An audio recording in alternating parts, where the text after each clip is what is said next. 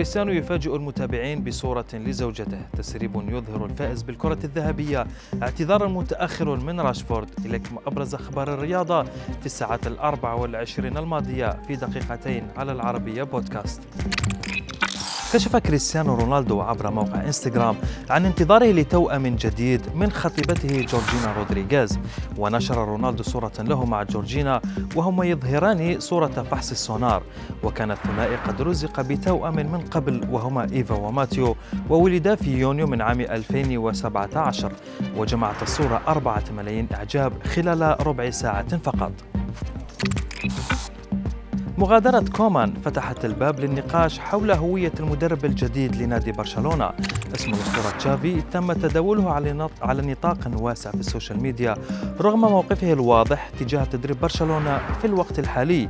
وأظهرت تقارير إعلامية أن مفاوضات لابورتا مع تشافي قد بدأت بالفعل قبل عدة أسابيع لخلافة المدرب الهولندي. تفاجأ متابعو كرة القدم على موقع تويتر بانتشار ورقة مسربة تحمل هوية الفائز بالكرة الذهبية. وبحسب الصورة فإن الفائز بالبالون دور هو لاعب بايرن ميونخ روبرت ليفاندوفسكي ب 627 نقطة متبوعا بميسي ثانيا وبنزيما ثالثا ومحمد صلاح في المركز الرابع فيما احتل كريستيانو رونالدو في المرتبة التاسعة في الترتيب.